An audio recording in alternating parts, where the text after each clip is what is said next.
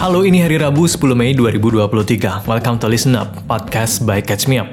Hari ini kita bakal bahas soal unjuk rasa menolak RUU Kesehatan, bentrok antar etnis di India, dan negara dengan cuaca terpanas di Asia Tenggara. And now, let's catch up. Yap, nggak ada habisnya deh kalau udah ngomongin pemerintah Indonesia dan segala kebijakan, aturan, atau calon aturannya yang bikin geleng-geleng kepala dan bertanya-tanya sendiri. Sorry, maksudnya gimana? Nah, kali ini kita mau ngomongin soal calon aturan untuk para tenaga kesehatan yang sekarang lagi dibahas di DPR dan of course mengundang banyak kontroversi bahkan masyarakat sampai unjuk rasa gara-gara ini. So everybody meet RUU Kesehatan. Banyak kawan-kawan kami yang digaji bahkan di bawah UMK, bahkan di bawah upah minimum banyak sekali. Kami tidak menuntut itu, wahai Bapak Menteri. Kami tidak menuntut itu. Uang bagi kami hanya seujung kuku. Uang bagi kami tidak ada masalah. Bagi kami adalah kedaulatan profesi kami. Kami bertahun-tahun memperjuangkan undang-undang keperawatan, undang-undang kebidanan, undang-undang kedokteran, undang-undang rumah sakit, kekarantinaan, apoteker, dan seluruhnya. Tetapi, tetapi, kami tahu ternyata diam-diam. Diam-diam Anda semua bersekongkol membentuk satu undang-undang ingin memeras semua undang-undang yang ada. Kedaulatan profesi kami akan Anda cerai-beraikan Anda akan membuka peluang tenaga kesehatan ini terpecah belah Bapak Menteri kami hadir hanya perwakilan. Ini awal. Soan kami sekarang adalah awal kawan-kawan soan kita ini awal kawan-kawan Well, well, well. Jadi setelah Undang-Undang Cipta Kerja Omnibus Law disahkan pemerintah tahun lalu, sekarang adiknya Undang-Undang Cipta Kerja lagi dikerjain nih sama pemerintah dalam suatu rancangan undang-undang aka RUU ya nggak kayak Undang-Undang Cipta Kerja yang mencakup berbagai kalangan pekerja di berbagai industri. RUU yang lagi dikerjain sekarang ini cuma berfokus untuk tenaga kerja di satu industri aja, which is industri kesehatan. Jadi kalau kamu atau pacar kamu yang berprofesi sebagai tenaga kesehatan kesehatan, mau itu dokter, perawat, apoteker, bidan, dan lain-lain, semuanya akan diatur dalam rancangan undang-undang ini. Ya, disampaikan langsung oleh juru bicara Kementerian Kesehatan, Dr. Muhammad Syahril, RUU Kesehatan ini dibuat supaya negara bisa memberikan tambahan perlindungan hukum untuk dokter, perawat, bidan, dan tenaga kesehatan lainnya waktu melakukan tugasnya melayani masyarakat. In his words, Dr. Syahril bilang, Pasal-pasal perlindungan hukum ditujukan agar jika ada sengketa hukum, para tenaga kesehatan tidak langsung berurusan dengan aparat penegak hukum sebelum adanya penyelesaian di luar pengadilan, termasuk sidang etik dan disiplin. Katanya begitu. Sounds good? No? Nah, tapi target peraturan ini alias para tenaga kesehatan themselves ngelihat rancangan undang-undang ini justru bertolak belakang sama klaimnya Dr. Syahril guys. Iya, mereka ngelihatnya RUU kesehatan justru merugikan tenaga kesehatan. Kayak nggak ada jaminan hukum dan perlindungan untuk tenaga kesehatan juga terancam dihilangkan. Lebih jauh, kalau rancangan undang-undang kesehatan disahkan, maka dinilai bakalan bentrok sama undang-undang profesi medis yang sebelumnya udah ada kayak undang-undang nomor 29 tahun 2004 tentang praktik kedokteran, Undang-Undang Nomor 36 Tahun 2014 tentang tenaga kesehatan, Undang-Undang Nomor 38 Tahun 2014 tentang keperawatan, dan Undang-Undang Nomor 4 Tahun 2019 tentang kebidanan. Gampangnya, beberapa pasal dalam RUU Kesehatan ini kontroversial banget. Kayak klaim pemerintah yang mau kasih tambahan perlindungan hukum, tapi ketika dibaca lagi di pasal 283, tetap ada peluang dokter mengalami tuntutan berlapis kayak ganti rugi sampai tuntutan pidana dan perdata dan lead to defensive medicine. Di mana kalau kayak gini bukan cuma dokternya yang rugi tapi pasiennya juga. Secara kualitas pelayanan juga bakalan menurun kalau dokternya lagi berproses dalam ranah hukum. Nggak cuma itu lewat RUU kesehatan ini para tenaga kesehatan tuh terancam dikriminalisasi gengs. Iya secara pasal 462 RUU ini dituliskan tenaga kesehatan bisa dipidana jika melakukan kelalaian, di mana termasuk dalam unsur pidana dan terancam 3 hingga 5 tahun penjara. In that sense, hal ini dilihatnya malah bikin tenaga kesehatan takut waktu lagi nanganin pasien. Selain itu, peran organisasi profesi kesehatan kayak ID, kalau dokter ID ya, PPNI untuk perawat, IAI untuk apoteker, IB untuk bidan, dan PDGI kalau untuk dokter gigi yang buat pengawasan, pembinaan, penertiban, rekomendasi, dan surat tanda registrasi aka STR juga terancam dihapuskan. Makanya banyak yang menganggap undang-undang kesehatan ini blunder banget katanya. Ya, kalau dilihat dari dekat, ini ada juga plusnya ya guys. Sekretaris Umum Perkumpulan Dokter Seluruh Indonesia, Ervan Gustiawan Suwangto, bilangnya RUU Kesehatan ini justru bakal memudahkan memudahkan masyarakat untuk berobat.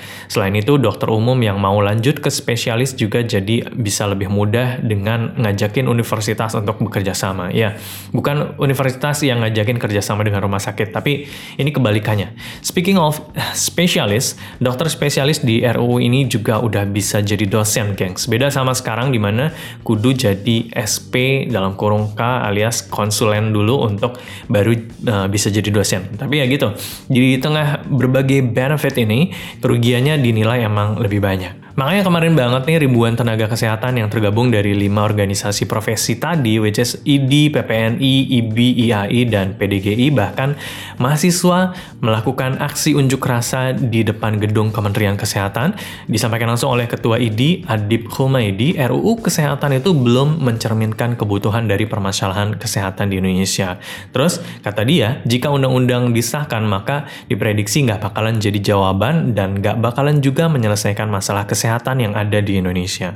Masih dari keterangan Dr. Adib, RUU kesehatan ini itu kayak diburu-buru banget, gengs. Jadi kayak apa sih yang dikejar Pak, Bu? Lebih jauh, the fact that ID udah kasih aspirasi tapi nggak dihiraukan sama sekali sama pemerintah dalam pembahasan RUU ini, akhirnya bikin mereka marah juga. Secara orang-orang yang unjuk rasa kemarin itu kan orang-orang yang kerjanya di lapangan ya, jadi mereka tahu betul kondisi kesehatan di Indonesia kayak apa.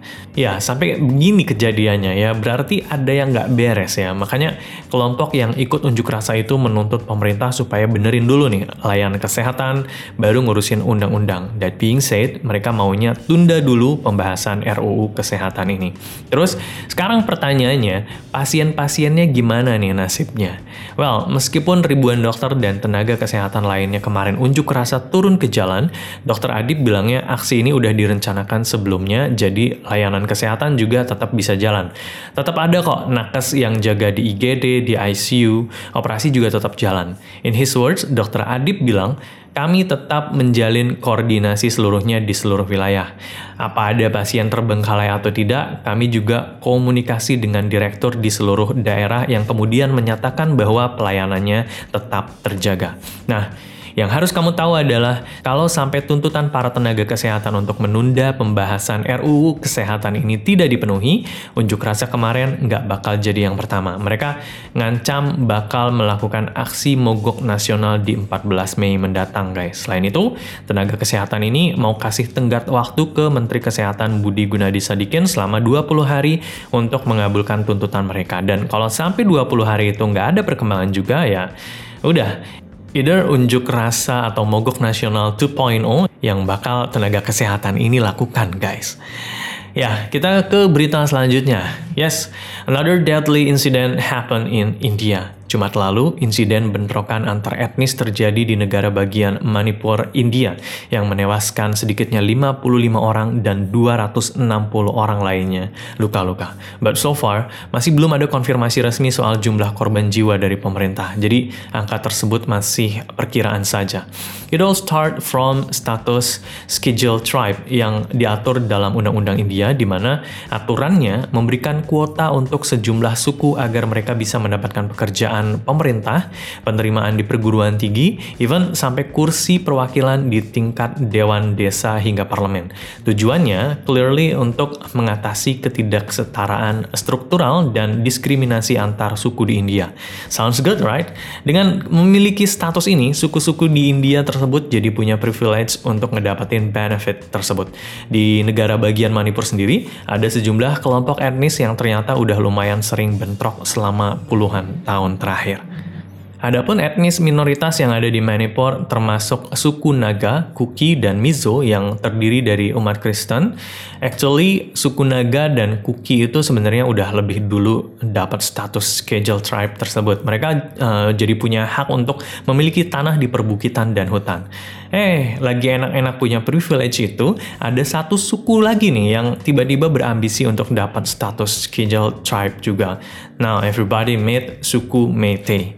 Oke, okay, Suku Meitei ini merupakan etnis terbesar di Manipur yang terdiri dari mayoritas umat Hindu.